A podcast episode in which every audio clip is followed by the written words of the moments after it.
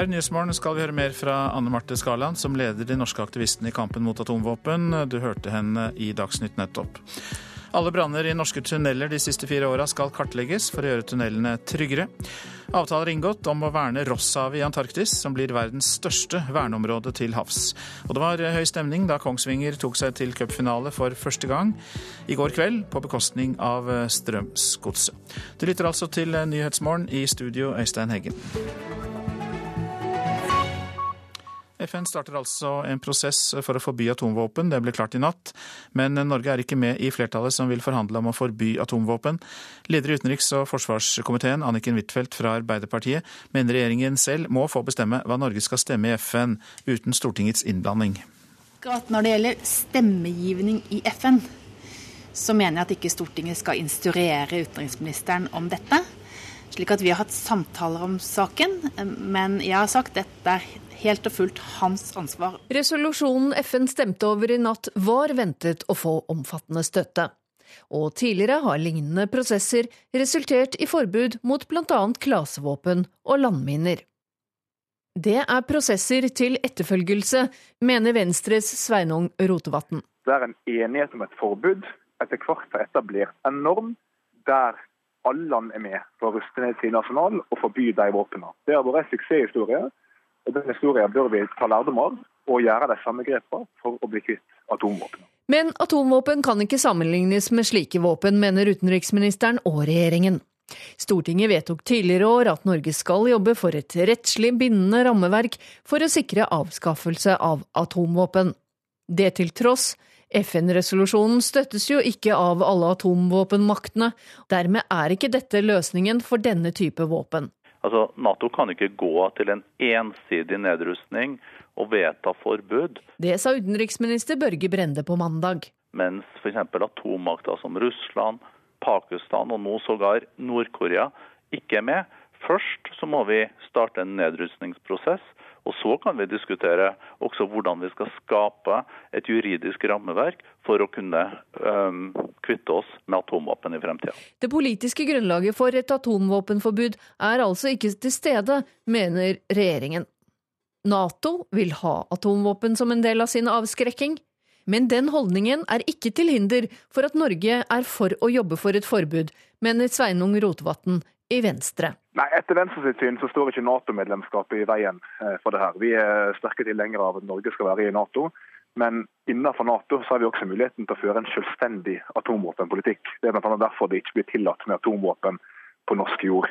Så vi mener at her bør Norge kunne ta et selvstendig standpunkt og slutte seg til bl.a. Sverige, et stort flertall av verdens land, og sier at nå må vi få rusta ned og bli kvitt atomvåpnene en gang for alle. Han håper Norge snur og slutter seg til etter hvert som enda flere land vil forhandle om atomvåpenforbud. For det, sender etter mitt syn et signal om at vi ikke er villige til å ta atomvåpentrusselen på alvor, og at vi dessverre ikke vil bidra sammen med flertallet av verdens land til å få en forpliktende nedtappingsplan der de ruster ned og blir kvitt atomvåpen. Det er synd, men jeg håper at vi kan bli med på det her på et senere tidspunkt. Venstres Sveinung Rotevatn var det, og reportere Hedvig Bjørgum og Sunniva Skjeggestad. Anne Marte Skarland, velkommen også hit. Du er daglig leder i ICAN Norge, altså den norske delen av den internasjonale kampanjen for forbud mot atomvåpen. Og som ventet så fikk forbudet støtte i FN. Men videre, hva kan Verdensorganisasjonen gjøre videre for å forby atomvåpen? Det som kommer til å skje nå, det er at man får en prosess for et forbud mot atomvåpen til neste år.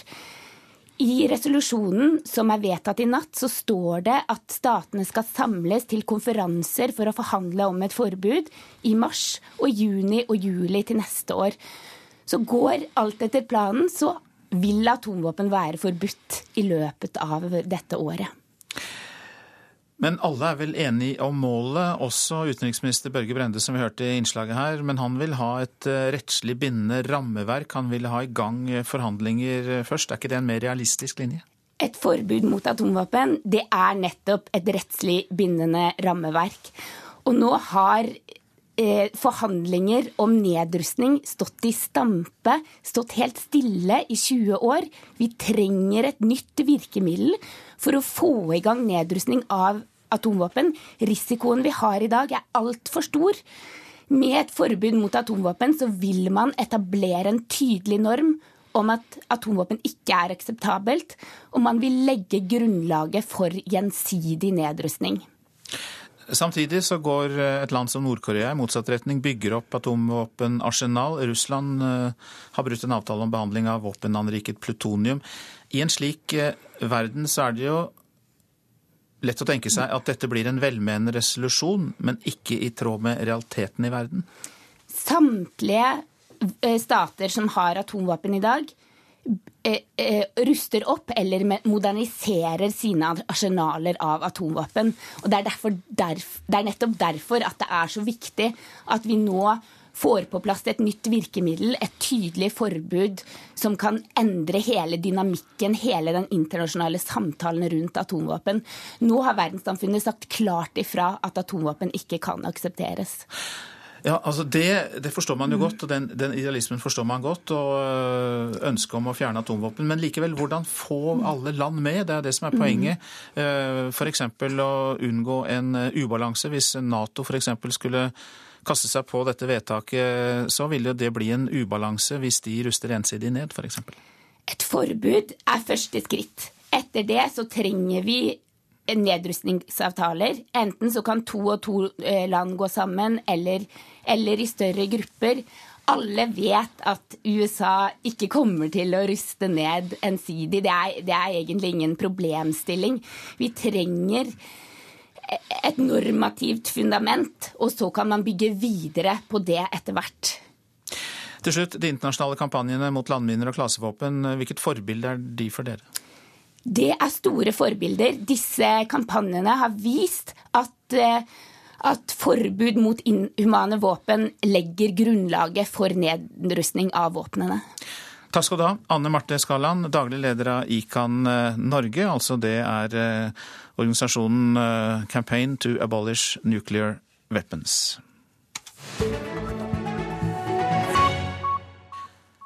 Verdens største verneområde til havs er nå vedtatt. 1,5 millioner kvadratkilometer er beskyttet etter flere år, år, med forhandlinger. I natt ble det enighet om å frede området i Rosshavet i Antarktis. Her lever bl.a. mange millioner pingviner. Det er større enn Storbritannia, Tyskland og Frankrike til sammen, og nå blir det forbudt å fiske i store deler av dette havområdet de neste 35 årene. Rosshavet har blitt kalt et av de siste intakte marine økosystemene i verden. Her finner du i tillegg til pingviner, seler, hval, antarktisk tannfisk og enorme mengder krill.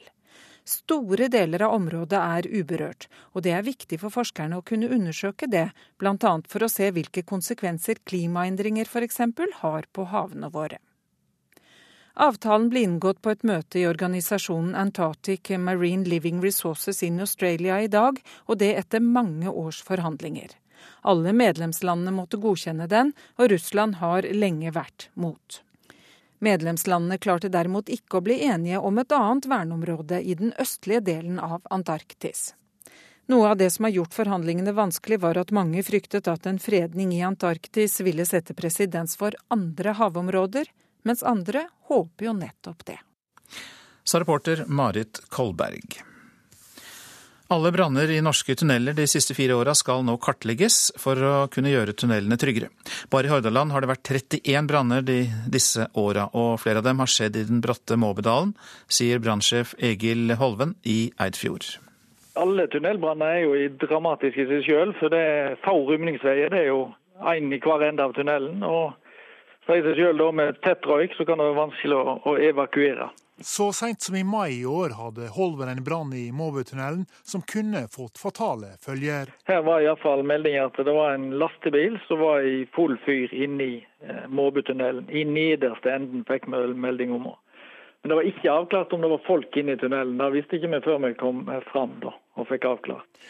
Transportøkonomisk institutt er nå hyra inn av Vegdirektoratet for å finne ut hvordan tilstanden er i alle norske tunneler.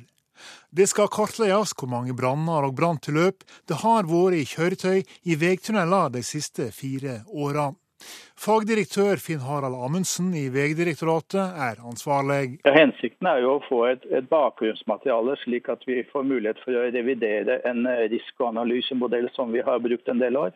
Planen er å finne ut mer om hvordan disse farlige tunnelbrannene oppstår. Det er rett og slett for å kunne, kunne beregne sannsynlighet for at det oppstår trafikkulykker og branner i tunneler slik at vi kan eh, sette inn de rette tiltakene. Brannsjefen i Eifjord er ikke i tvil om at tunnelene kan gjøres sikrere, i alle fall i Måbedalen. Nå har jeg faktisk akkurat i dag gått et tilsyn i lag med brannvernlederen i Statens veier. Og eh, vi så jo på ting som kunne forbedres, og det er jo ikke tvil i at eh, disse tunnelene kan gjøres sikrere.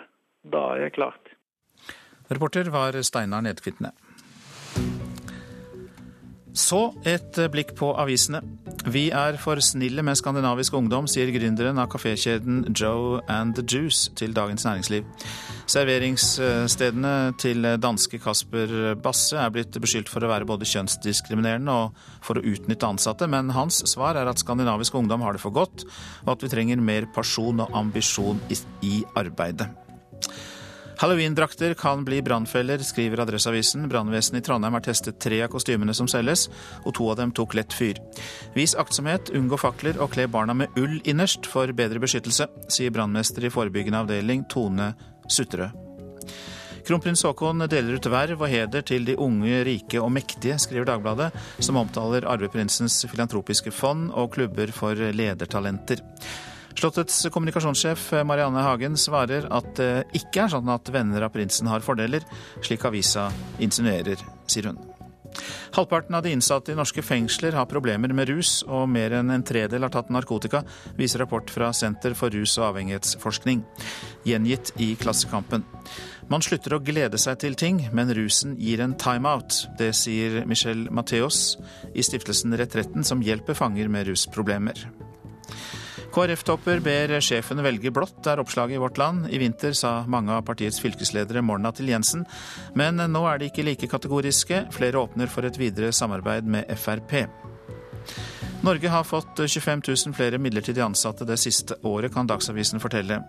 Leder i Handel og Kontor, Trine Lise Sundnes, mener endringene i arbeidsmiljøloven er hovedforklaringen, og advarer mot at faste jobber erstattes med midlertidige. Hvorfor er de så sinte og opplever at det er bånd å leve i USA? Spørsmålet stilles i Aftenposten, som ser nærmere på den hvite arbeiderklassens 400 år lange historie med frustrasjon i USA.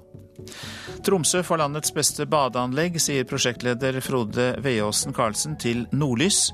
Anlegget på Tromsøya skal kunne ta 1000 gjester samtidig, og byr på ti vannflater med opplevelser, helsebad, aktiviteter for barn og et basseng under åpen himmel.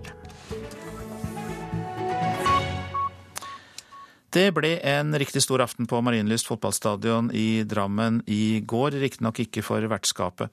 For på sitt femte forsøk i en semifinale tok nemlig Kongsvinger seg til sin aller første cupfinale. De slo eliteserielaget Strømsgodset 2-1 på bortebane, altså. Og det historiske resultatet skapte elleville tilstander.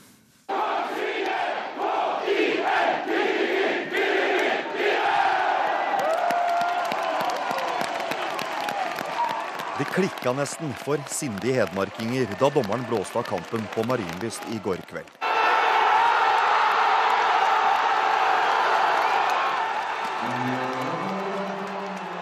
Folk feira som gale en seier som for forfatter, musiker og superkiel-patriot Levi Henriksen fortonte seg som nær uvirkelig. Det er, det er utrolig.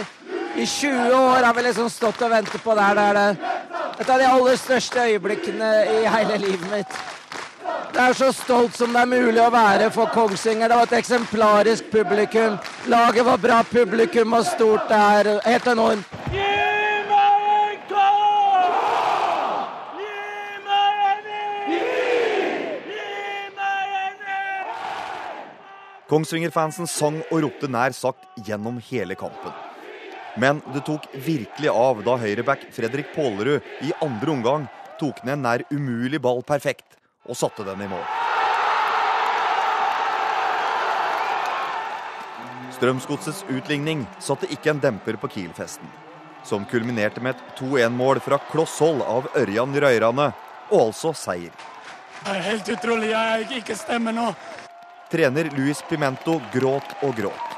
Portugiseren var stolt og rørt av bragden Kiel gjennomførte.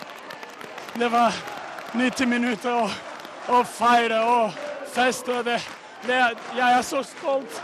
De unge spillerne, lokale spillere, de skårer i, i semifinalen. Og første gang i historien. Kiel, Kiel er i cupfinale, og det er så stort. Det er så stort. Jeg er så stolt av alle fansen, spillerne, støtteapparat. Alle har gjort siste to år en, en utrolig jobb. Det er fantastisk. Kongsvinger og HamKam har tidligere spilt til sammen ti semifinaler i cupen uten å nå finalen på Ullevål. På det ellevte Hedmarksforsøket ble Kiel historiske. Kaptein Adem Gyven var et eneste slitent, stort smil etter bragden. Akkurat nå så er jeg så stolt så det ikke går an å fortelle. Det er helt fantastisk. helt fantastisk. Nå er vi i cupfinalen. Det, er helt utrolig. Jeg har ikke, jeg har ikke ord til å si noe. Altså. På papiret så var jo Godset eh, favoritter, selvsagt, men eh, det, avgjøres på banen. Og det, det er sånn vi var innstilt når vi kom ut på banen her. At det er på banen det avgjøres, ikke på, på papiret. Så selv om de syns de, de planlagte, allerede å møte Rosenborg, og for, de snakka om at de skulle aldri slått Rosenborg eller noe sånt, så nå får de ikke slått i år heller, i hvert fall. Sistemann av banen var spiller og daglig leder Espen Nystuen. Alene igjen på benken satt han og tenkte. På barndomsklubben som var nær økonomisk kollaps og i sportslig fritt fall da han kom hjem fra Lillestrøm for fire år siden. Det her var fantastisk. Altså, se det, betyr, det, det betyr for byen når man ser alle de folka som er her. Kongsrud har lengta etter det her i 33 år. Altså, nei, det var helt utrolig. Det er lov å drømme hvert år, men det er ikke realistisk i det hele tatt. Men uh, vi har faktisk gjort en drøm til virkelighet. Kongsvinger var ingenting. Det er mange av oss som i dag sitter eh, og kan være stolte av oss sjøl. Vi, eh, ja, vi, vi, vi, er rett og slett bare stolte. Ja, Der hørte vi om eh, drømmene som ble virkelighet. Daglig leder og spiller i Kiel, Espen Nystuen. Reporter på festen var Tom Håkenstad. Dette er Nyhetsmorgen, klokka er 6.50. Vi har disse hovedsakene. Et stort flertall av nasjonene i FN har stemt for å starte forhandlinger om en ny traktat som forbyr atomvåpen. Norge stemte nei sammen med sine allierte. Alle branner i norske tunneler de siste fire åra skal kartlegges for å kunne gjøre tunnelene tryggere. En internasjonal avtale er inngått for å verne Rosshavet i Antarktis. Det blir verdens største verneområde til havs, med bl.a. pingviner, seler, hval og antarktisk tannfisk. Nå om hemmelighetene våre og de som er satt til å passe på dem. Velkommen til deg, Hans Morten eh, Synsnes. Takk. Du er eh, seniorrådgiver i Norsk Romsenter nå, men du har skrevet boka om Forsvarets sikkerhetstjeneste, som nylig kom ut. Og eh, dette er jo da en stor og tykk bok om våre hemmeligheter. Eh, hva var og er Forsvarets sikkerhetstjeneste? Ja, altså Den militære sikkerhetstjenesten var på en måte nasjonens vaktbikkje med tanke på bevaring av hemmeligheter og materiell av betydning for, for rikets sikkerhet og den nasjonale sikkerheten. Eh, så tjenesten sto på en måte i bresjen for et nasjonalt sikkerhetssystem da, som skulle demme opp for eh, spioner og utro tjenere. Og så er tjenesten blitt delt opp, så nå er det organisert litt annerledes, bare for å ta det aller først. Ja. Eh, 2003 er jo skillet. Eh, Sikkerhetsstaben i Forsvarets overkommando ble nedlagt. Eh, og Nasjonal sikkerhetsmyndighet, et direktorat under Justis og FT, ble etablert. Samtidig som eh, Forsvarets sikkerhetsavdeling ble etablert som en del av Forsvaret. da. Men uh, ned til kjernen i saken her. Hvor, hvor, flinke er vi da i Norge til å beskytte våre hemmeligheter? Ja, eh, Historisk sett altså, har jo den militære sikkerhetstjenesten eh, betegnet gjennomgående spesielt sivile etater da, som underfallende i omgangen med, med hemmelige dokumenter og opplysninger. Eh, sikkerhetskulturen var i, på en måte ifølge eh, tjenesten svak, eh, noe som i sin tur da svekka forsvarsevnen. Jeg, men i, i den boka her da, så prøver jeg å utfordre de her eh, anklagene fra tjenestene. fordi en svak sikkerhetskultur betydde ikke nødvendigvis at hemmelige, hemmelige opplysninger gikk tapt. Til det var på en måte det norske samfunnet og det norske statsapparatet for lite og for gjennomsiktig. Og så fikk jo Norge kritikk fra bl.a. USA fordi vi ikke hadde gode nok prosedyrer, som det het, for uh, klarering av sikkerhet til sikkerhet. Ja, eh, ordningen med å sikkerhetsklarere eh, borgere for innsyn i graderte eh, opplysninger er en viktig del av sikkerhetstjenesten. Kritikken tok jo dels utgangspunkt i en norsk politisk eh, vegring mot å formalisere legalisere ordningen med å sikkerhetsklarere norske borgere. Det var jo slik at Fram til 1967 så var jo ordningen holdt skjult for befolkningen. Så den som skulle klareres, var jo på en måte ikke kjent med at vedkommende ble kontrollert. Og dette hemmeligholdet var jo, eh, var jo politisk motivert og skjedde da under protester fra de, fra de hemmelige tjenestene. Eh, et paradoks da er jo at eh, det amerikanske presset bidro til å bevege den norske klareringsordningen i en mer rettsstatsorientert retning, faktisk. Ja, så den, den ga en bedre beskyttelse for enkeltindividet, sivilsamfunnet? Ja, eh, fra 2060 så ble jo ordningen kjent. Og da ble jo den som skulle klareres, faktisk involvert i prosessen. Og eh, spurt om eh, konkrete opplysninger og, og slike ting. Så, så ja. Det er en stor og tykk bok du har med deg der, eh, for å si det sånn. Eh, er det noen hemmeligheter i den, eller ting som har vært hemmelige tidligere, som nå kan avdekkes, og som som da Forsvarets sikkerhetstjeneste i årenes løp eh, har sett det nødvendig å beskytte og hegne om?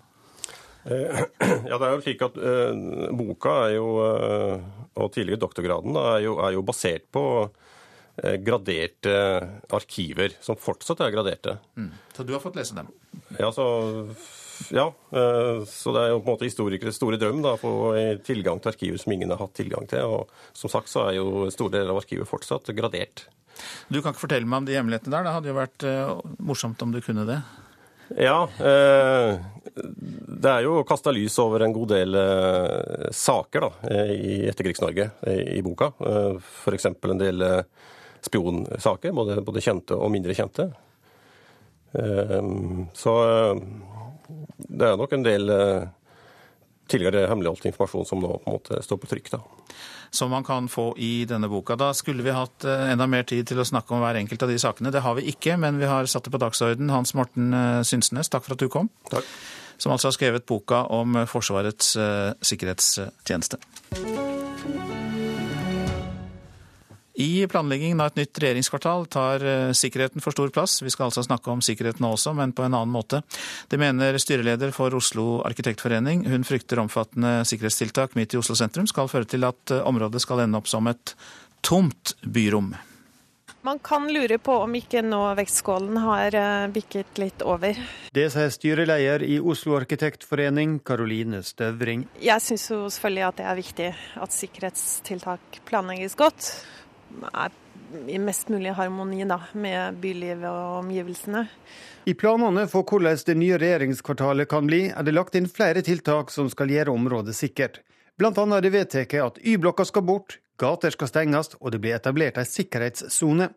Støvring frykter at tiltakene skal føre til at området blir til et tomt byrom. Hvis f.eks. Eh, sikkerhetstiltak medfører altfor mange begrensninger, da, på funksjonelle behov, altså i forhold til tilkomst, i forhold til å skape de arrangementene man ønsker, så vil jo det ha en negativ effekt.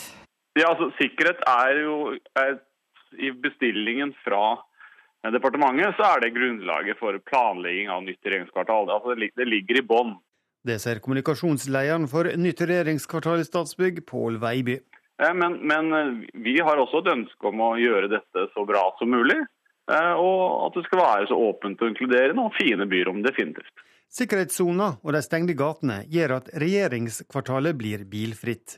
Veiby mener det åpner for nye muligheter. Det gjør jo at eh, folk kan gå der, sykle der, som definitivt vil jo være en berikelse for byrommet. Eh, det ville vært mye tøffere med masse trafikk forbi i et byrom. Levende Oslo er et samarbeidsprosjekt mellom Oslo kommune og private aktører. De har som mål å gjøre sentrum i hovedstaden til en attraktiv stad å være. Sekretariatsleder Yngve Hegrenes tar oss med til Bankplassen når han skal vise oss hvordan sikkerhet og levende byrom kan kombineres. Og hvis du snur deg og ser den andre veien, så ser du den skulpturen der. Den hun sittende jenta? Ja, hun sitter med sånn i, jeg tror den heter 'Jente med iPod' eller noe sånt. Og Det er da på en måte veldig hyggelig innslag i dette vakre byrommet. Men hun er også en sikkerhetstiltak. Det er fremdeles et stykke opp og fram før den endelige utforminga av regjeringskvartalet er klar. Men når ting blir klart, er utforminga av sikkerhetstiltakene en av de tinga de må se nærere på, sier Pål Veiby i Statsbygg. Det, det, viktigste her er på en måte denne perimetersikringa, som jo hindrer at det blir biltrafikk inn. Eh, den kan utformes på sikkert forskjellig vis. Eh, og så er det mange, andre tiltak som kan gjøres, og det kan gjøres uh, hyggelig og fint. Reportere Mari Sand Malm og Espen Alnes. Så et værvarsel. Fjell i Sør-Norge først. Vestlig kuling utsatte steder. Stedvis liten storm, faktisk. Snøbyger. Vesentlig da i vestlige fjellstrøk. Lenger øst blir oppholdsvær og lange perioder med sol. Lokalt vanskelige kjøreforhold i fjellet, minner vi om. Østland og Telemark vestlig bris, periodevis liten kuling på kysten og en del vind også utsatte steder i innlandet vest for Oslofjorden. For en stor del pent vær. Agder på kysten stiv vestlig kuling, periodevis sterk kuling vest for Oksøy. Regnbyger i områdene vest for Kristiansand, ellers stort sett opphold og perioder med sol i Agder. Og så tar vi Vestlandet sør for Stad. Vest og nordvest litt sterk kuling. Regnbyger, snøbyger over 500 meter og utrygt for torden nord for Rogaland. Møre og Romsdal og Trøndelag ser vi samlet, og det blir vestlig sterk kuling. Periodevis liten storm på kysten og i fjellet. Regnbyger og haglbyger, snøbyger over 400 meter, og det er utrygt for torden i tillegg. Nordland sørvest liten kuling på kysten. Om ettermiddagen dreiende vestlig på Helgeland. Regnbyger, snø over 400 meter. Troms og Finnmark litt regn av og til. Snø over 300 meter. Og så var det Spitsbergen. Østlig liten kuling utsatte steder. Stiv kuling i sør. Litt snø i øst, ellers opphold. Og ingen temperaturer fra Meteorologisk institutt i dag heller, dessverre.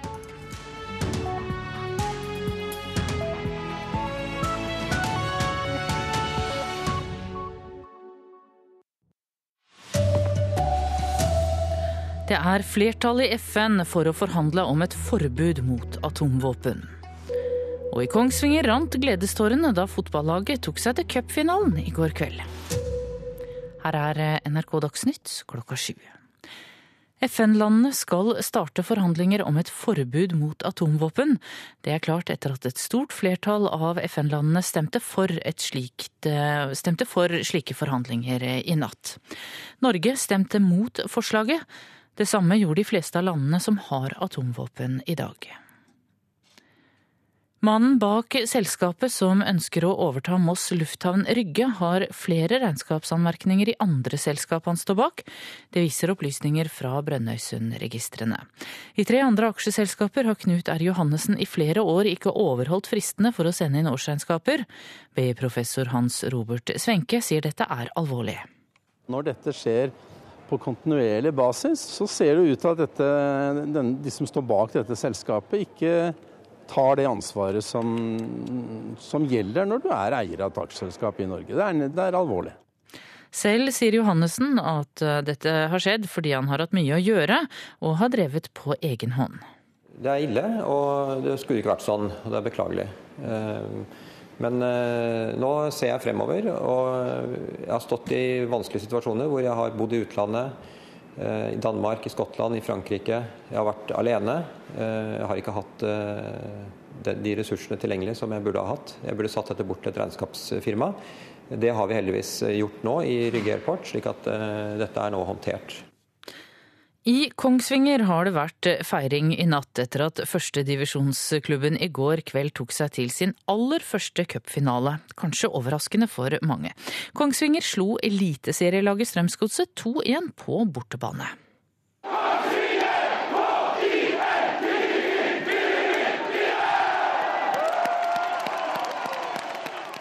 Det er helt utrolig. Jeg ikke stemme nå.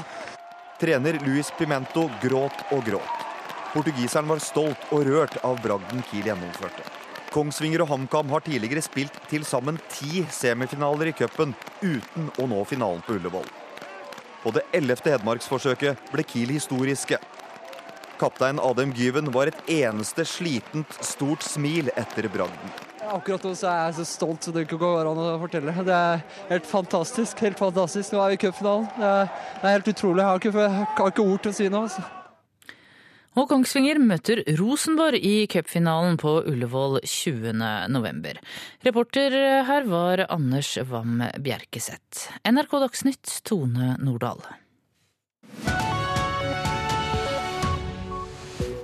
Og Nyhetsmorgen fortsetter med disse sakene. Statoils utflagging av dataoppdrag til India har satt sikkerheten i fare, viser selskapets interne rapporter.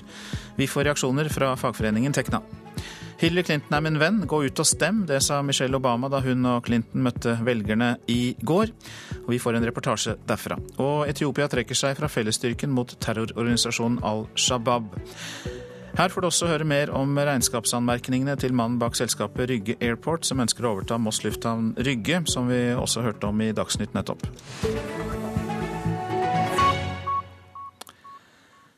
En IT-arbeider i India stoppet produksjonen på et av Statoils oljeraffinerier etter en tastefeil.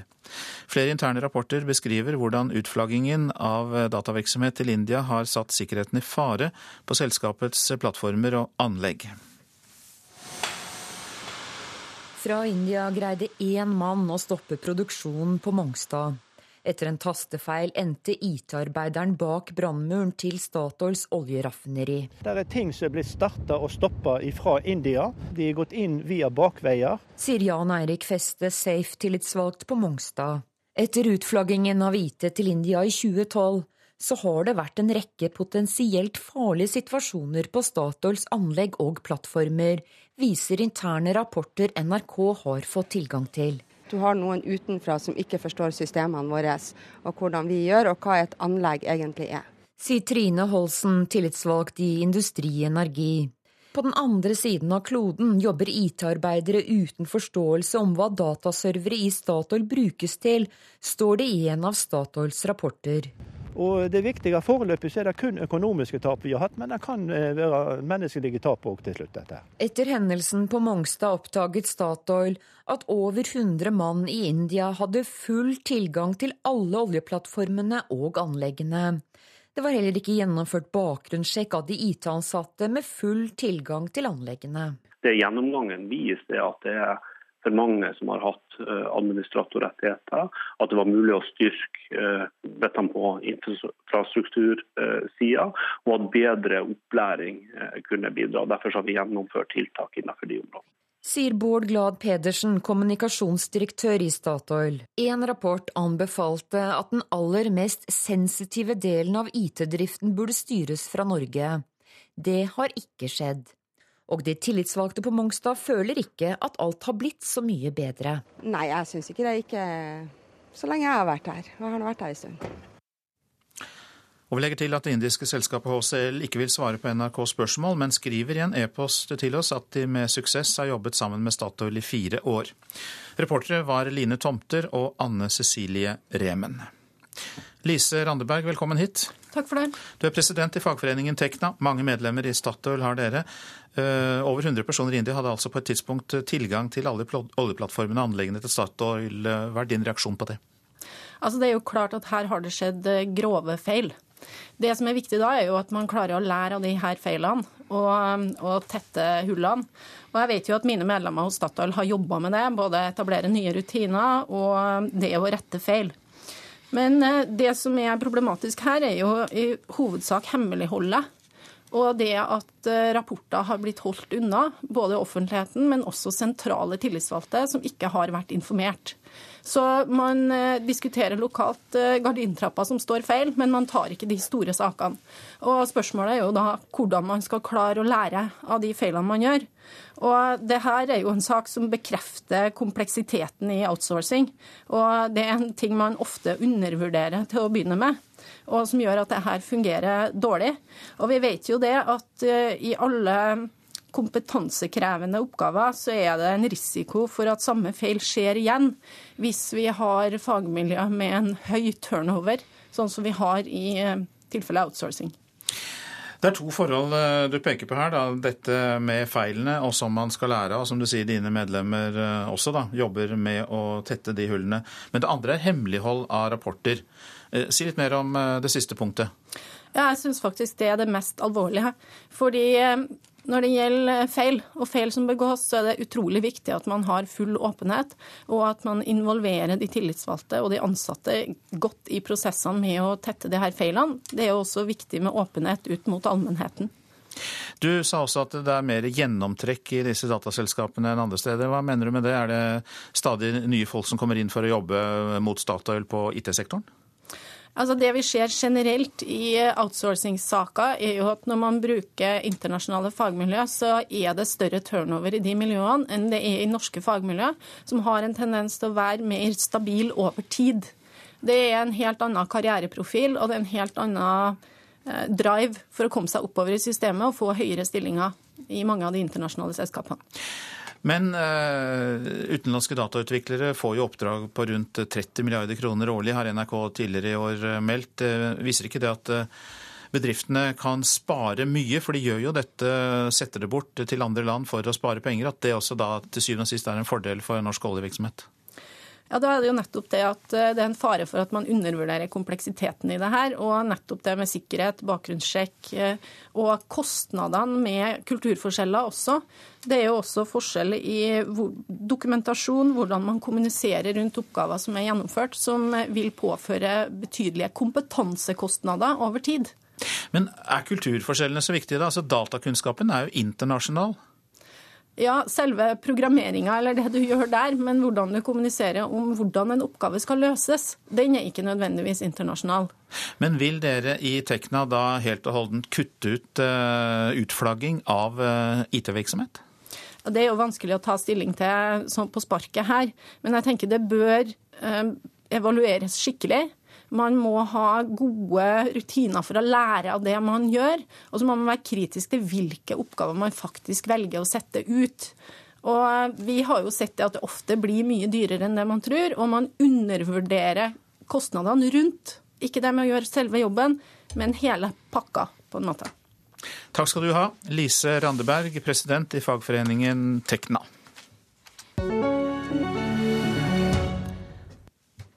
Nå om uh, selskapet Rygge Airport og mannen bak, uh, for de ønsker jo å overta Moss lufthavn Rygge, men uh, har brutt regnskapsregler i en årrekke. Det viser opplysninger fra Brønnøysundregistrene.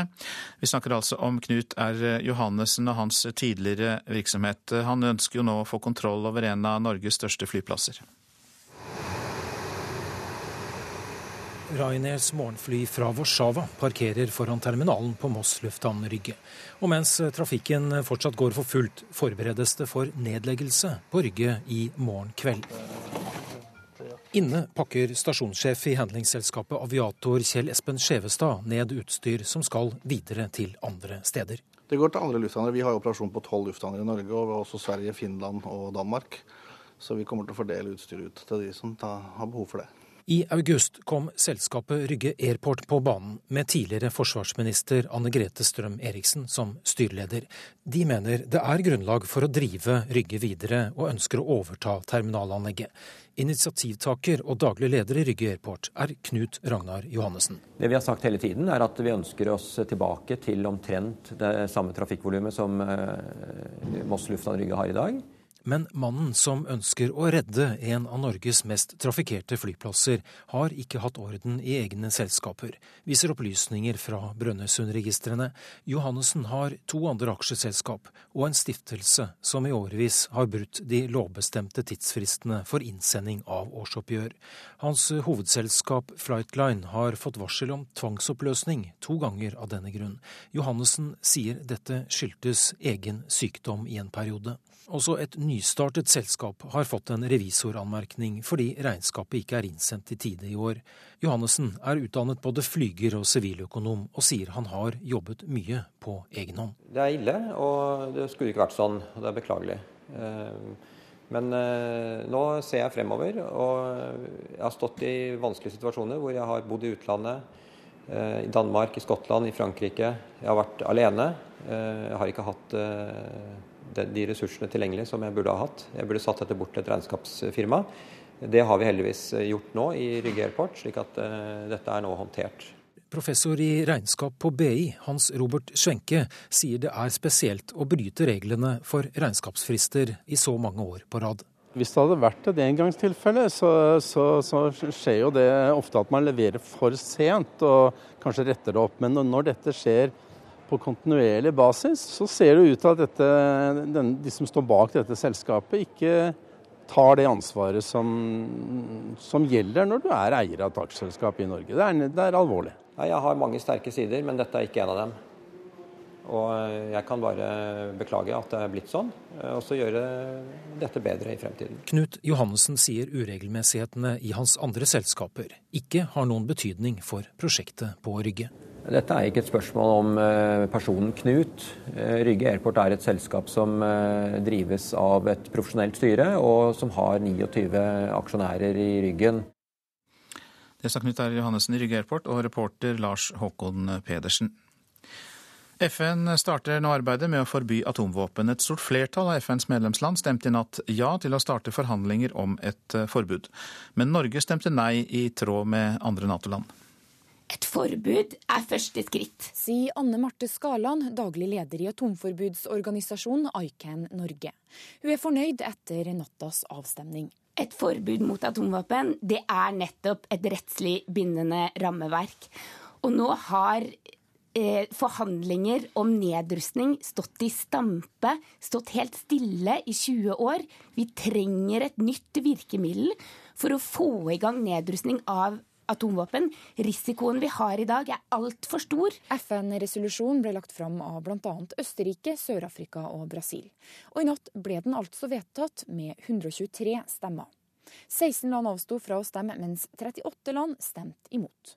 Blant dem Russland, Storbritannia, USA også Norge. Vi tror at det er nedrustning og initiativet på ikke-spredning som skal til for å oppnå en verden fri for eh, kjernevåpen. Marit Berger Røsland er statssekretær i Utenriksdepartementet. Um, Norge kan ikke ha én sikkerhetspolitikk eh, i Nato og en annen sikkerhetspolitikk i FN. Uh, vi må ha en politikk som, som henger sammen. Uh, også Nato har som utgangspunkt at så lenge land har atomvåpen, så må også Nato ha atomvåpen som en del av sitt eh, strategiske konsept, og det er en linje vi støtter. Tidligere denne uka så hadde NRK en sak om at eh, USA ba alle Nato-land om å stemme nei.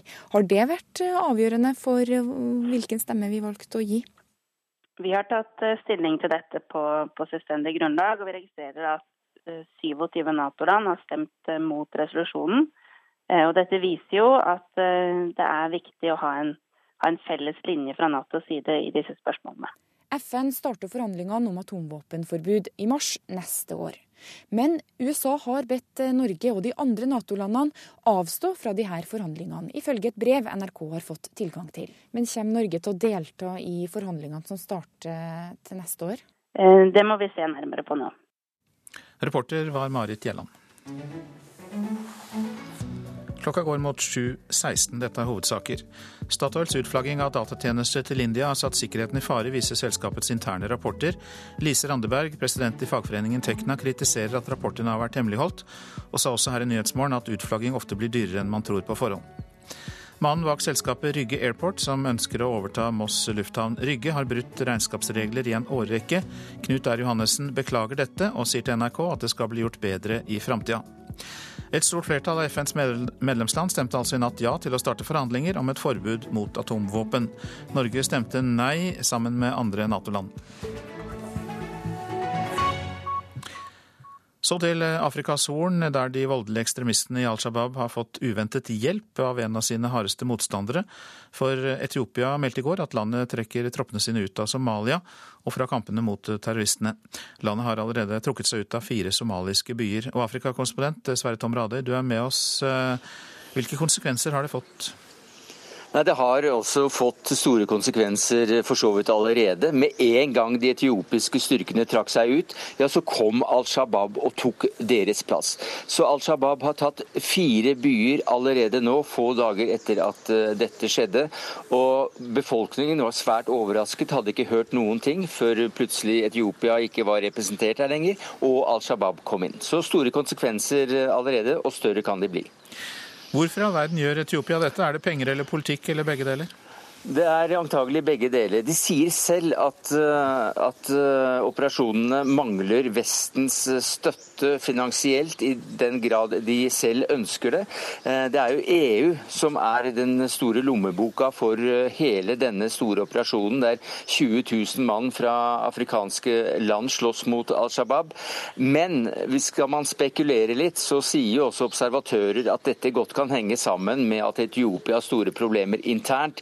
med med oromo-folket sitt. Pluss, hvis man er konspiratorisk, så kan man også se på eh, Somalia som et land der Etiopia gjerne vil ha litt ustabilitet, og nå går det mot valg i Somalia. Så det er mange tråder å nøste i for de som vil det. Ja, Du nevnte jo da at Al Shabaab var raskt ute for å eh, overta byer. Men hvilke følger videre kan det få at de trekker seg ut? Nei, de, De kan bli ganske store. fordi eh, Etiopia, eh, etiopiske soldater er kjent for å være gode soldater, i motsetning til hva man mener eh, visse andre afrikanske land har av, av, styrker. Men også fordi at det kan gi en slags dominoeffekt. Denne operasjonen, store operasjonen inne i Somalia er ikke videre populær i disse afrikanske landene som har soldater der. Soldater blir drept i, i hundrevis antall tallet eh, Uganda og Kenya er under press for å trekke sine soldater ut. Så hvis dominoeffekten kommer her, så kan dette få store konsekvenser. I det siste så har vi jo hørt om færre terrorangrep fra Al Shabaab i eh, Somalia. Da det, har det vært vellykket så langt, den eh, aktiviteten mot dem? Ja, Delvis. Eh, Al Shabaab kontrollerte jo på et tidspunkt store deler av landet, inkludert Mogadishu, i flere år. Det er det slutt på. Det er ikke store territoriale områder som de har full kontroll over, men de har gått over til mer geriljataktikk, og de er svært giftige. Eh, Kenya ikke minst opplever eh, et stort antall angrep i året. Nå sist i nordøst, i Mandera, der Al Shabaab drepte 10 tolv mennesker eh, for få dager siden. Og så har det også kommet meldinger om at IS-avdelinger eh, har tatt kontroll over en havneby. Eh, si litt om det til slutt, Sverre Tom Radøy. Ja, Det er ikke akkurat den samme, samme operasjonen, dette her. For, for, det har skjedd i Puntland, eh, selverklært republikk som verden ellers ikke anerkjenner som selvstendig, men som en del av Somalia. Der har det vært en organisasjon i Al Shabaab som har løsrevet seg, eh, gått over til IS. Og det er denne ganske lille, liten, liten gruppe som har gått inn og tatt over faktisk en havneby ved Rødehavet. Så nå er IS representert ved sin egen by i Rødehavet så lenge det varer. Takk skal du ha, Sverre Tom Radøy. For første gang i den amerikanske valgkampen sto Michelle Obama og Hillary Clinton på samme scene i går kveld. Det skjedde i Nord-Carolina, der Hillary Clinton nå leder med vel to prosentpoeng på Donald Trump. Målet er å få unge og afroamerikanske velgere til eh,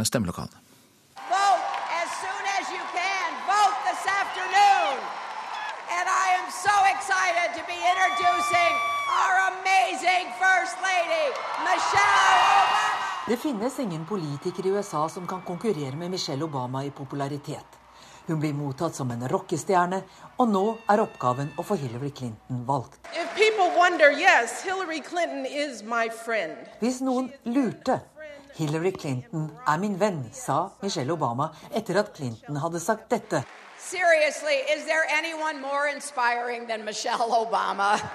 Seriøst, finnes det noe mer inspirerende enn Michelle Obama? Men mest handlet det om politikk i går kveld.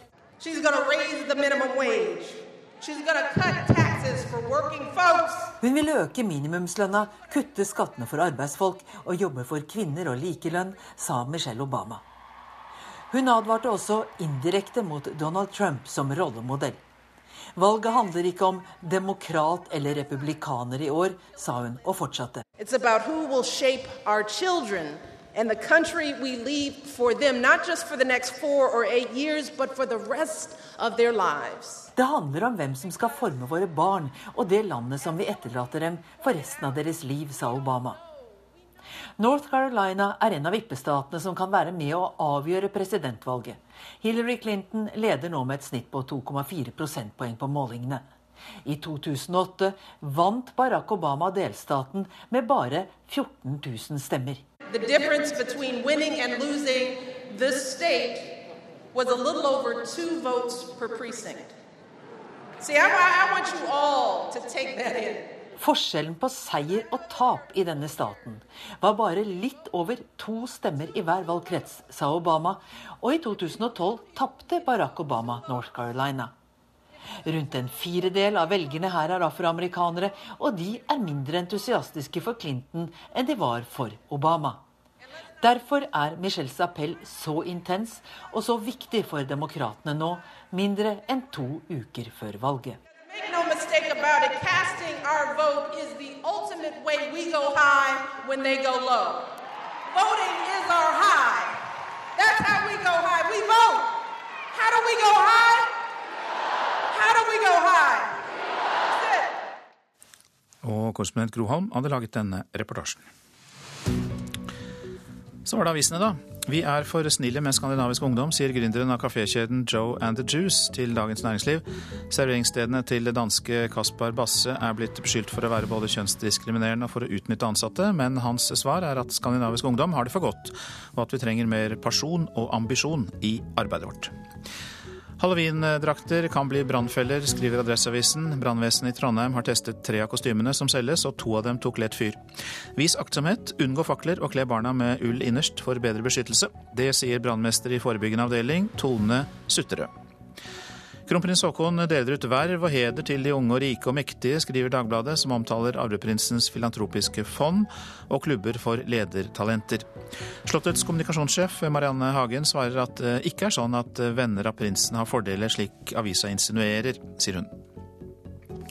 Halvparten av de innsatte i norske fengsler har problemer med rus, og mer enn en tredel har tatt narkotika, viser en rapport fra Senter for rus- og avhengighetsforskning. Den er gjengitt i Klassekampen, og eh, man kan der lese at man slutter å glede seg til ting, men rusen gir timeout. Det er eh, Michel Matteus i stiftelsen Retretten som sier dette. Han hjelper fanger med rusproblemer.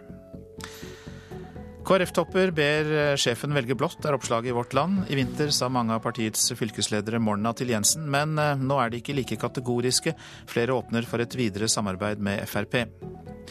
Norge har fått 25 eh, 000 flere midlertidig ansatte det siste året, kan Dagsavisen fortelle. Leder i Handel og Kontor, Trine Lisse Sundnes, mener endringene i arbeidsmiljøloven er hovedforklaringen, og hun advarer mot at faste jobber erstattes med midlertidige. Hvorfor er de så sinte og opplever at det er bånd å leve i USA? Spørsmålet stilles av Aftenposten, som ser nærmere på den hvite arbeiderklassens 400 år lange historie med frustrasjon. Tromsø får landets beste badeanlegg, sier prosjektleder Frode Veåsen Karlsen til Nordlys. Anlegget på Tromsøya skal kunne ta 1000 gjester samtidig, og byr på ti vannflater med opplevelser, helsebad, aktiviteter for barn og et basseng under åpen himmel. Å få flere kvinner inn i politiet har vært en utfordring for Politidirektoratet, og ved høstens opptak på Politihøgskolen så var fire av ti som ble tatt opp, kvinner.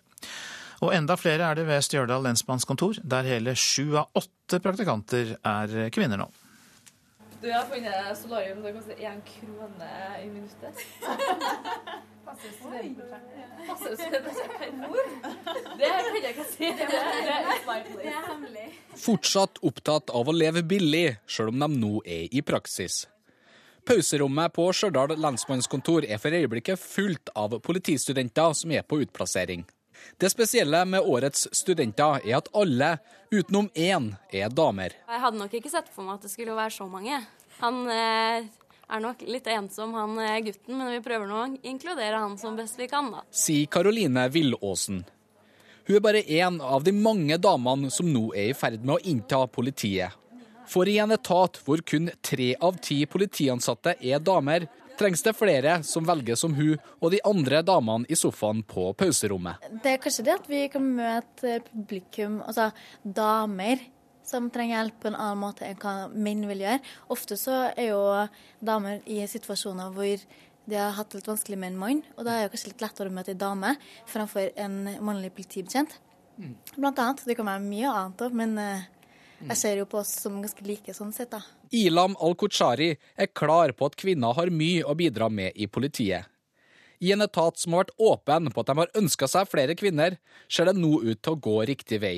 Ved Politihøgskolen var 42% av studentene som ble tatt opp i høst, damer.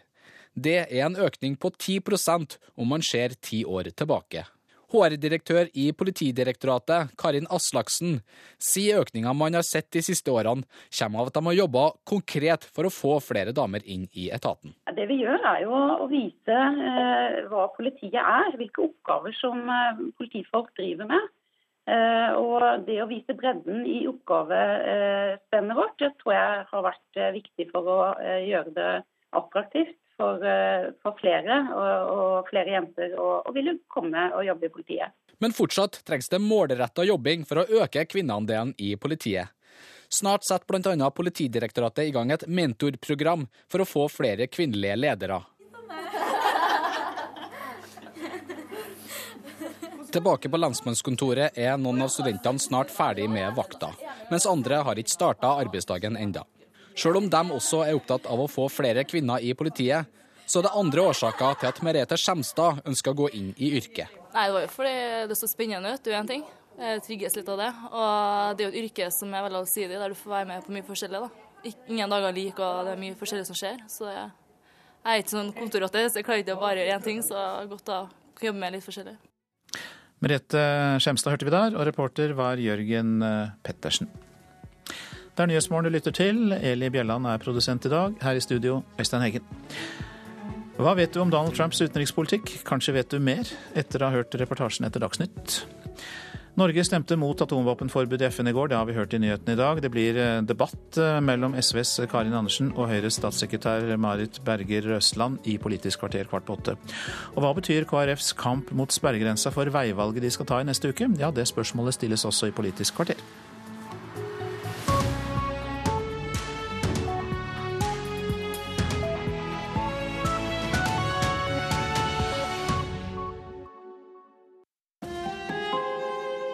Hør ekko.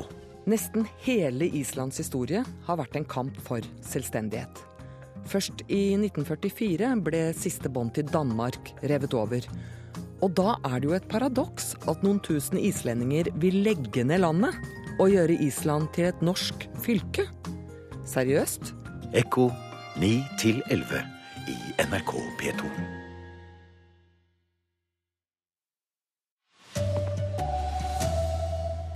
Sikkerheten ved Statoil-anlegg er flere ganger satt i fare etter at drift av datasystemer ble satt ut til et selskap i India.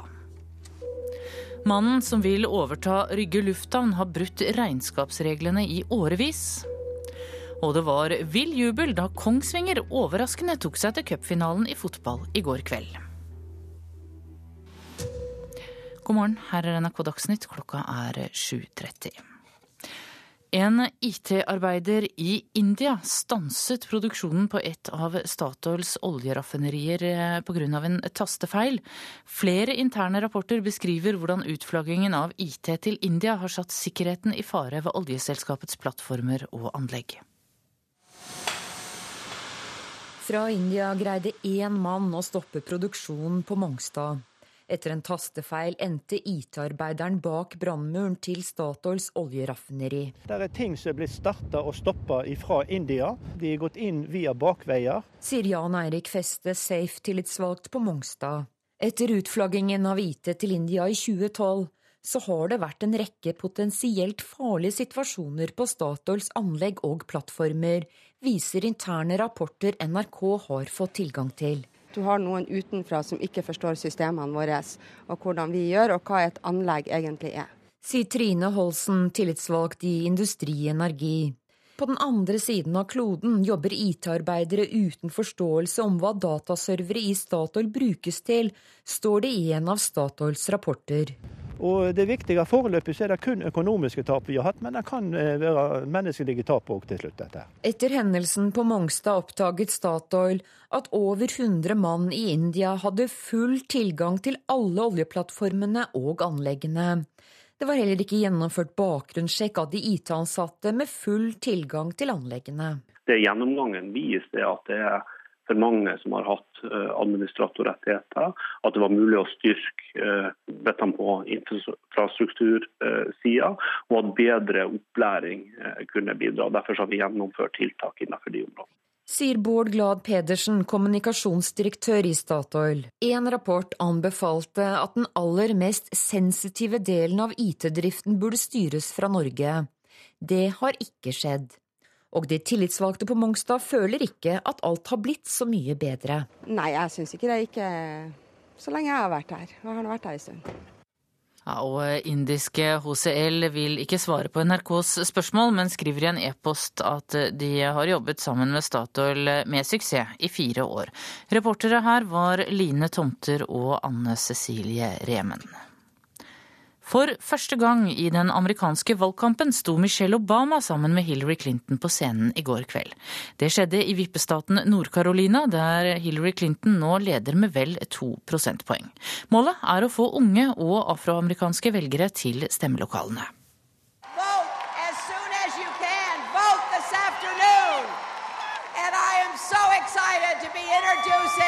Our amazing First Lady, Michelle Obama. Det finnes ingen politiker i USA som kan konkurrere med Michelle Obama i popularitet. Hun blir mottatt som en rockestjerne, og nå er oppgaven å få Hillary Clinton valgt. Wonder, yes, Hillary Clinton is my friend. Hvis noen lurte Hillary Clinton er min venn, sa Michelle Obama etter at Clinton hadde sagt dette. Seriously, is there anyone more inspiring than Michelle Obama? Seriøst, finnes det noe mer inspirerende enn Michelle Obama? Men mest handlet det om politikk i går kveld.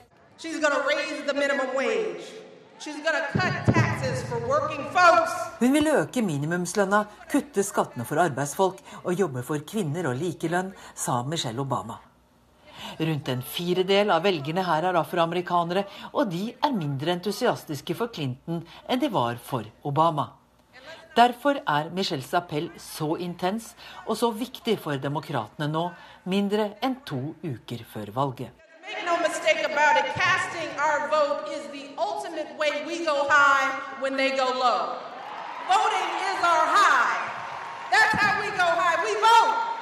How do we go high? How do we go high? Ja, innslaget var laget av vår USA-korrespondent Gro Holm, som er på plass i Nord-Carolina. Mannen som ønsker å overta Moss lufthavn Rygge, har brutt regnskapsreglene i årevis. Det viser opplysninger fra Brønnøysundregistrene. Knut Ragnar Johannessen i Rygge Airport har flere revisoranmerkninger. I to måneder har selskapet Rygge Airport jobbet for å få overta Moss lufthavn Rygge. Flyplassen stenger denne helgen når Ryanair legger ned sin base der. Mannen bak Rygge Airport, Knut Ragnar Johannessen, har flere andre aksjeselskaper som har en lang rekke revisoranmerkninger. For det meste går det på for sent innsette årsoppgjør i forhold til den lovfestede fristen. Johannessen forklarer det hele slik. Ja, det, har, det er ille, og det skulle ikke vært sånn. og Det er beklagelig. Men nå ser jeg fremover, og jeg har stått i vanskelige situasjoner hvor jeg har bodd i utlandet. I Danmark, i Skottland, i Frankrike. Jeg har vært alene. Jeg har ikke hatt de ressursene tilgjengelig som jeg burde ha hatt. Jeg burde satt dette bort til et regnskapsfirma.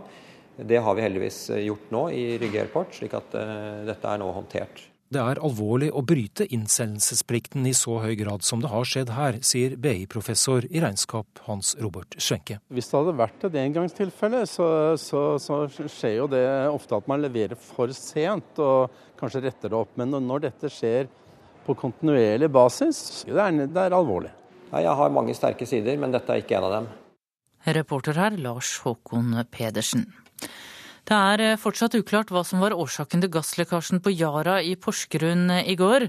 Fire personer ble kjørt til sykehus og ligger til observasjon etter at de fikk i seg gass på Yaras anlegg på Herøya i Telemark. Alle betegnes som lettere skadd. Lekkasjen oppsto i saltpeterfabrikken, og det dreier seg om nitrosegass som kan gi luftveisproblemer og lungeskader. FN starter arbeidet med å forby atomvåpen.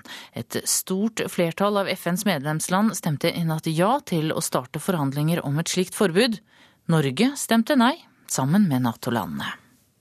Et forbud er første skritt. Sier Anne Marte Skaland, daglig leder i atomforbudsorganisasjonen ICAN Norge. Hun er fornøyd etter nattas avstemning. Et forbud mot atomvåpen det er nettopp et rettslig bindende rammeverk. Og nå har eh, forhandlinger om nedrustning stått i stampe, stått helt stille i 20 år. Vi trenger et nytt virkemiddel for å få i gang nedrustning av atomvåpen. Risikoen vi har i dag, er altfor stor. Mens 123 land stemte for forbud, stemte 38 imot. Blant dem Russland, Storbritannia, USA også Norge. Um, Norge kan ikke ha én sikkerhetspolitikk uh, i Nato og en annen sikkerhetspolitikk i FN. Sier Marit Berger Røsland, statssekretær i Utenriksdepartementet. Nato har som utgangspunkt at så lenge land uh, har atomvåpen, så må også Nato ha atomvåpen. FN starter forhandlingene om et atomvåpenforbud i mars neste år. Men USA har bedt Norge og andre Nato-land avstå fra forhandlingene, ifølge et brev fra USA NRK har fått tilgang til. Men kommer Norge til å delta i forhandlingene som starter til neste år? Eh, det må vi se nærmere på nå. Reporter her, Marit Gjelland. Og det blir eh, debatt om dette i eh, Politisk kvarter på P2 klokka kvart på åtte. Et område på 1,55 millioner kvadratkilometer i Sør-Ishavet i Antarktis blir nå vernet, og det blir bl.a. ulovlig å fiske i store deler av området. Rosshavet er et av de siste så å si urørte marine økosystemene i verden, med store bestander av pingviner, sel og hval. I Kongsvinger har det vært feiring i natt etter at førstedivisjonsklubben i går kveld tok seg til sin aller første cupfinale i fotball. Kongsvinger slo eliteserielaget Strømsgodset 2-1 på bortebane.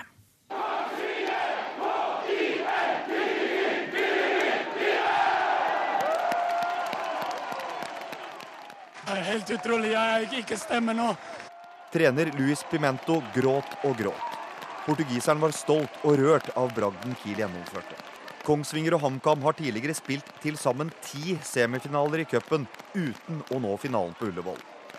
På det ellevte Hedmarksforsøket ble Kiel historiske.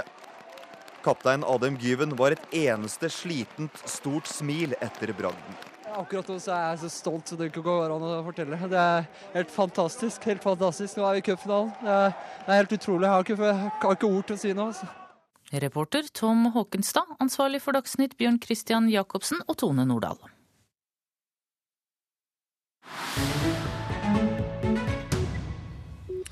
Hva vet vi om Donald Trumps utenrikspolitikk? Det er tema nå her i Nyhetsmorgen. Bortsett fra da, at den republikanske kandidaten vil bygge en mur mot Mexico.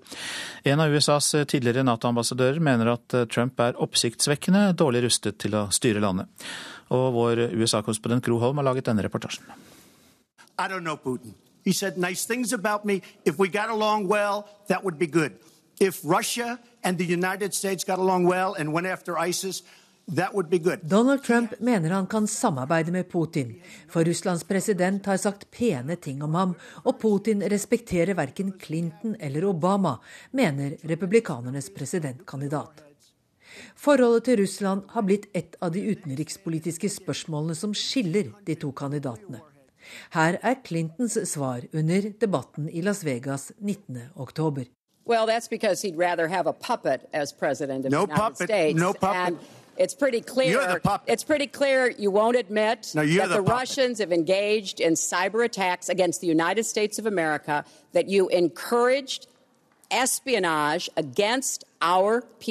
Putin foretrekker Trump fordi han heller vil ha en nikkedokke som president i USA, hevdet Clinton.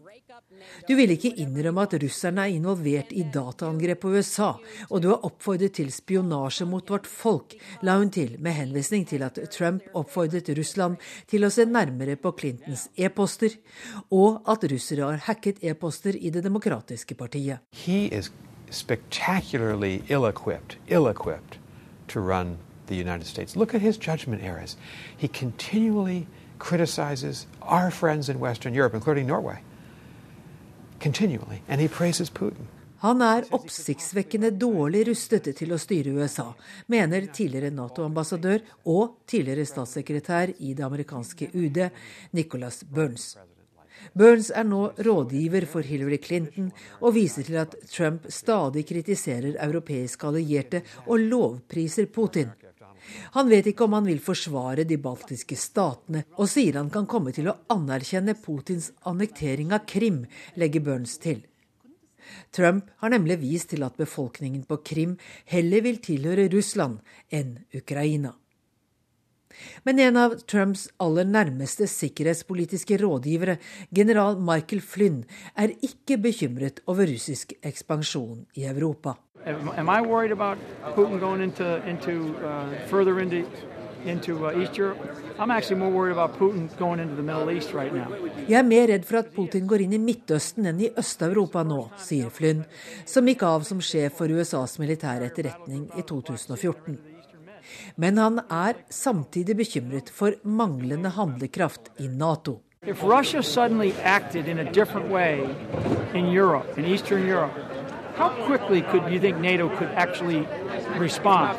Would all of the all the, the defense ministers and all the all the foreign ministers have to come together and sit around the big round table and Hvis Russland plutselig skulle handle i Øst-Europa, måtte da alle forsvarsministrene og utenriksministrene samles rundt det runde bordet og finne ut hva de skal gjøre? Putin ville ikke ventet på dem, men det Flynn. Trump selv har tidligere sagt at Nato kan bli avleggs fordi alliansen fokuserer for lite på terror. Han mener at USA ikke kan fortsette å betale for andres sikkerhet. Nato-landene må betale mer selv, og altså flytte fokuset over på trusselen fra islamske terrorister. Dette er hovedsaker i Nyhetsmorgen. Sikkerheten ved Statoil-anlegg er flere ganger blitt satt i fare etter at drift av datasystemer ble flagget ut til et selskap i India. I et tilfelle stoppet en indisk IT-arbeider produksjonen ved et av Statoils oljeraffinerier etter en tastefeil. FN starter nå et arbeid med å forby atomvåpen. Et stort flertall av FNs medlemsland stemte i natt ja til å starte forhandlinger om et forbud. Norge stemte nei sammen med de andre Nato-landene. Mannen som vil overta Rygge lufthavn har brutt regnskapsreglene i flere år. Knut R. Johannessen beklager det, og sier til NRK at det skal bli gjort bedre i fremtiden. Og en internasjonal avtale er inngått for å verne Rosshavet i Antarktis. Det blir verdens største verneområde til havs, med bl.a. pingviner, seler, hval og antarktisk tannfisk. Klokken tikker seg frem mot Politisk kvarter, og der er Bjørn Myklebust programleder.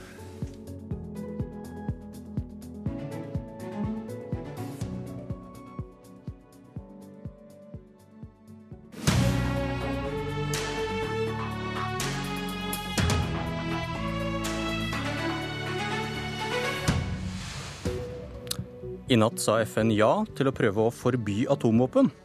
Men Norge stemte mot, sammen med USA, Russland og Nord-Korea.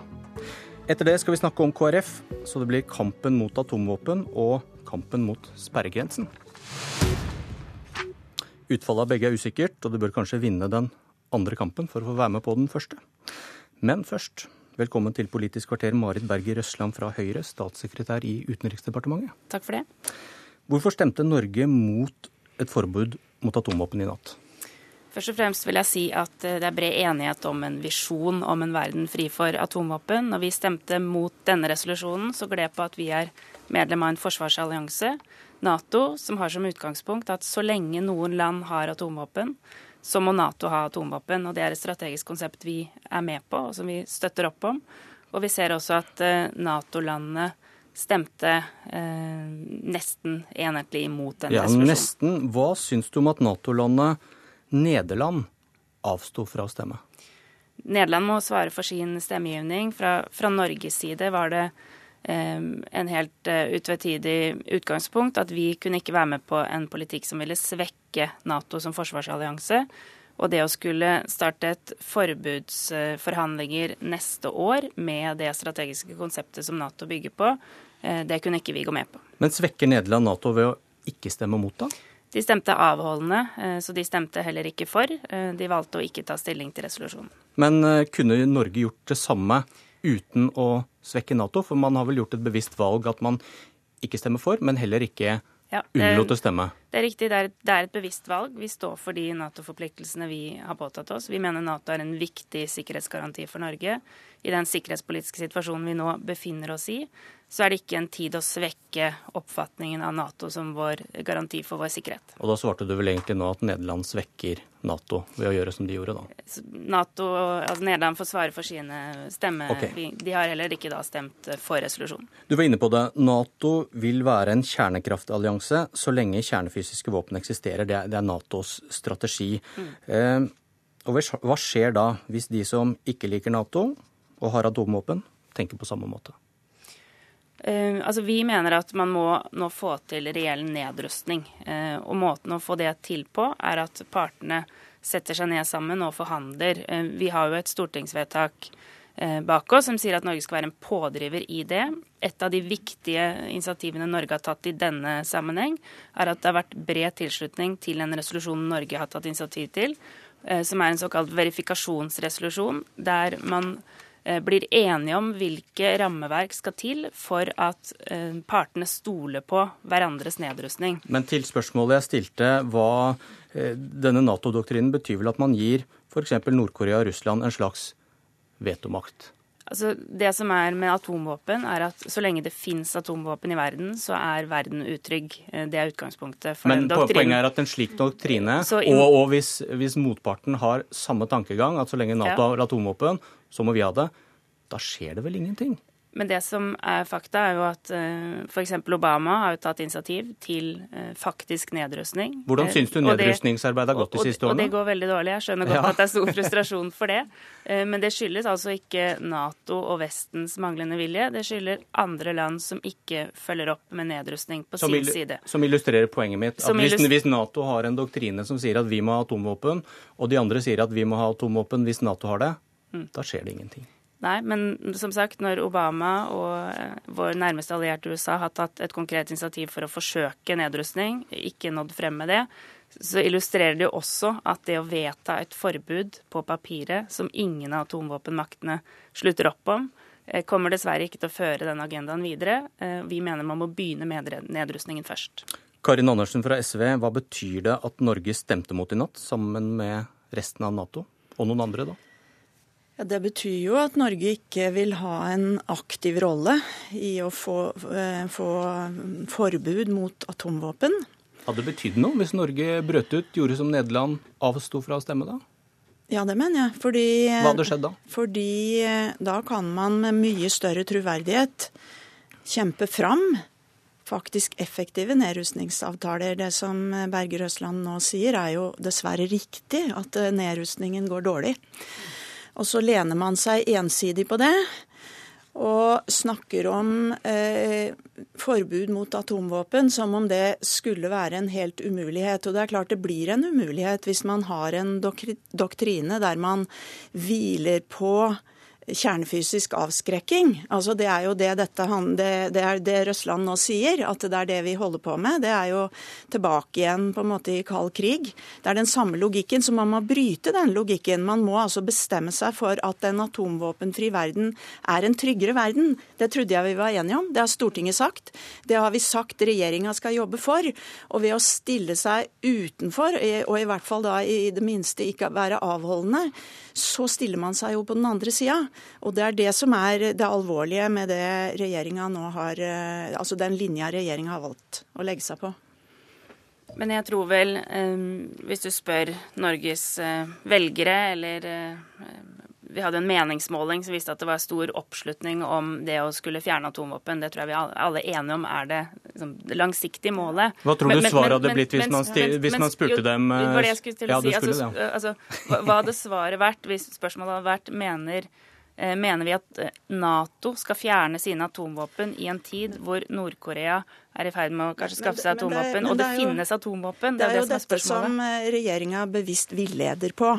Altså, Regjeringa eh, forsøker nå å gi et inntrykk av at eh, dette handler om ensidig nedrustning. Det gjør det altså ikke. Det handler om å sette et klart mål, forplikte seg på et mål om atomvåpenfri verden, og å lage et rettslig rammeverk for det, sånn som man har gjort med andre farlige våpen. Vi har altså klart å forby kjemiske våpen, biologiske våpen, landminer, klasebomber. Klasebomber har jo Nato hatt. ikke sant? Dette er våpen jeg... som Nato har hatt, og som vi har hatt et mål om å, om å, bygge ned. Og vi har klart det gjennom å sette et mål. Men da må jeg spørre deg, Andersen. Hvis, eh, hvis Nato-landene hadde sagt ja til å forby eh, atomvåpen, da måtte de vel ha kvittet seg med dem, Fullt forbudet man skrev under på? Man måtte ha jobba aktivt for å få det til, og da hadde man hatt et, Hva hadde skjedd da hvis Russland, Kina og Nord-Korea hadde beholdt sine atomvåpen? Men det er ingen som snakker om at man skal ha ensidig nedrustning. Det er ikke det. Hva er da verdien? Hva er da Denne verdien er at man setter seg et mål, og man forplikter seg på det. Og at man jobber etter hvert da for å få atommaktene med. Ingen tror at dette er lett.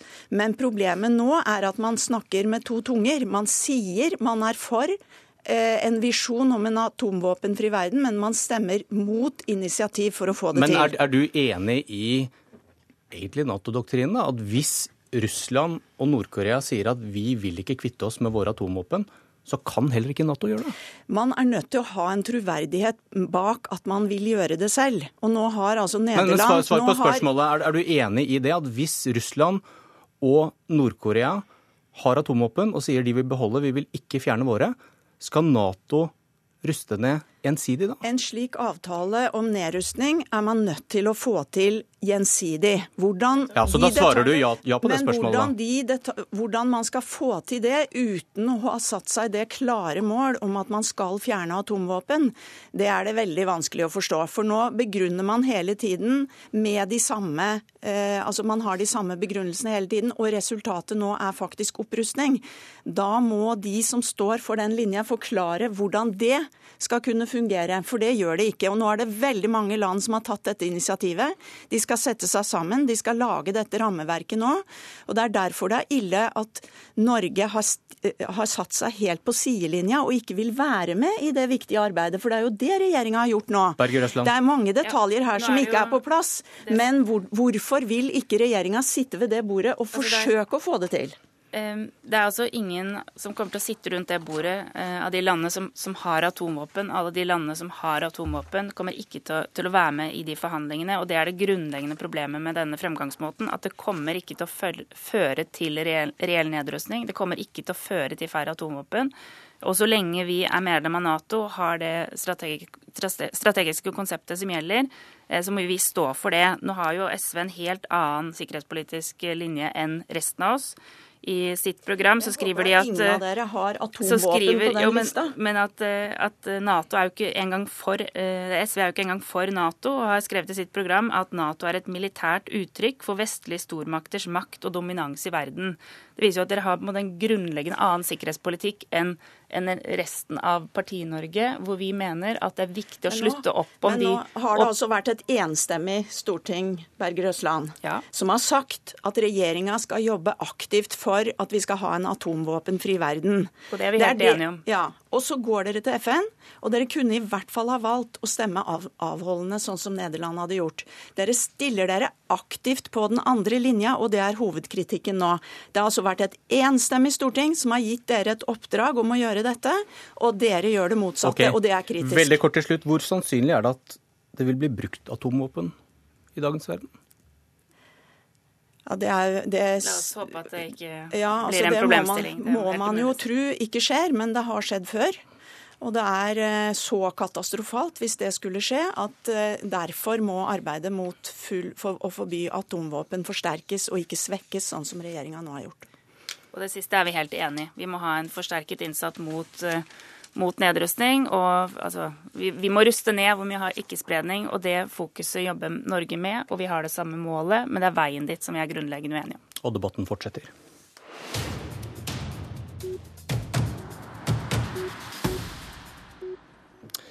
Det er lenge til valget, men ikke til KrF skal ta sitt valg.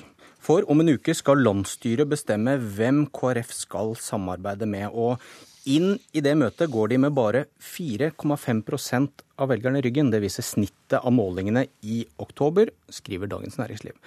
Og politisk kommentator i NRK, Lars Nehru Sand, hva betyr KrFs kamp mot sperregrensa for det veivalget de skal ta neste uke? Det gjør jo at de tar et veldig viktig valg eh, med ryggen mot eh, veggen. Det er den dårligste KrF-måneden vi nå går ut av siden mars 2011. Den dårligste under Hareides lederperiode. Eh, det betyr at det er betydelig usikkerhet blant KrFs eh, velgere for hva partiet står for akkurat nå. Eh, og mens man sikkert har håpet at flere åpninger skulle gjøre at flere velgere så på KrF som eh, aktuelle, så har flere eh, åpninger eller utganger fra KrFs eh, side ført til større usikkerhet blant velgerne deres. Ja, tror du de hadde valgt en annen vei hvis de gikk inn i dette landsstyremøtet neste uke med 6 eller 7 oppslutning? Jeg tror ikke det hadde blitt en annen konklusjon sånn rødt-blått, for å si det sånn. Men eh, hvis vi holder på premisset om at dette vil gjøre vondt for mange av KrFs velgere uansett, altså uansett om de eh, peker eh, på Erna Solberg, har en åpning for Frp på et eller annet vis, eller om de peker på Jonas Gahr Støre og, og, et samarbeid med Arbeiderpartiet. Eh, hadde Kristelig Folkeparti vært fullmobilisert, så tror jeg nok de hadde vært i større fare for at noen hopper av, nettopp at mange hadde håpet at eh, man skulle velge deres retning, og så velger man den andre så er det større fare for at noen hadde blitt eh, Ja, altså at KrF hadde gått ned etter å ha tatt et valg. Du, Per Anders Hoel i Vårt Land skrev noe interessant. Han skrev at KrF har mistet velgere etter at partileder Hareide deltok i Pride i vår, og at det samme skjedde da det var bråk om familiepolitikken i 2012. Hva tenker du om en slik forklaring? Jeg tror det kan ligge mye i det i den forstand at eh, når eh, familiepolitikken eller politikk med stor grad av verdisyn eh, settes på spissen, så vil de som har en liberal holdning, eh, kunne bli skuffet over Kristelig Folkeparti hvis man reagerer veldig konservativt. Når man har lest at mange meldte seg ut av partiet eh, som følge av pride-deltakelsen, så vil det føre til at noen blir skuffa fordi man ikke holder, en, holder en konservativ fane høyt.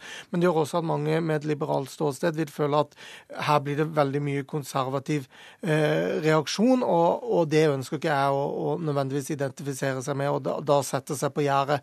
Eh, så noe av den usikkerheten eh, i KrFs velgermasse startet helt klart eh, som følge av eh, pride-deltakelsen.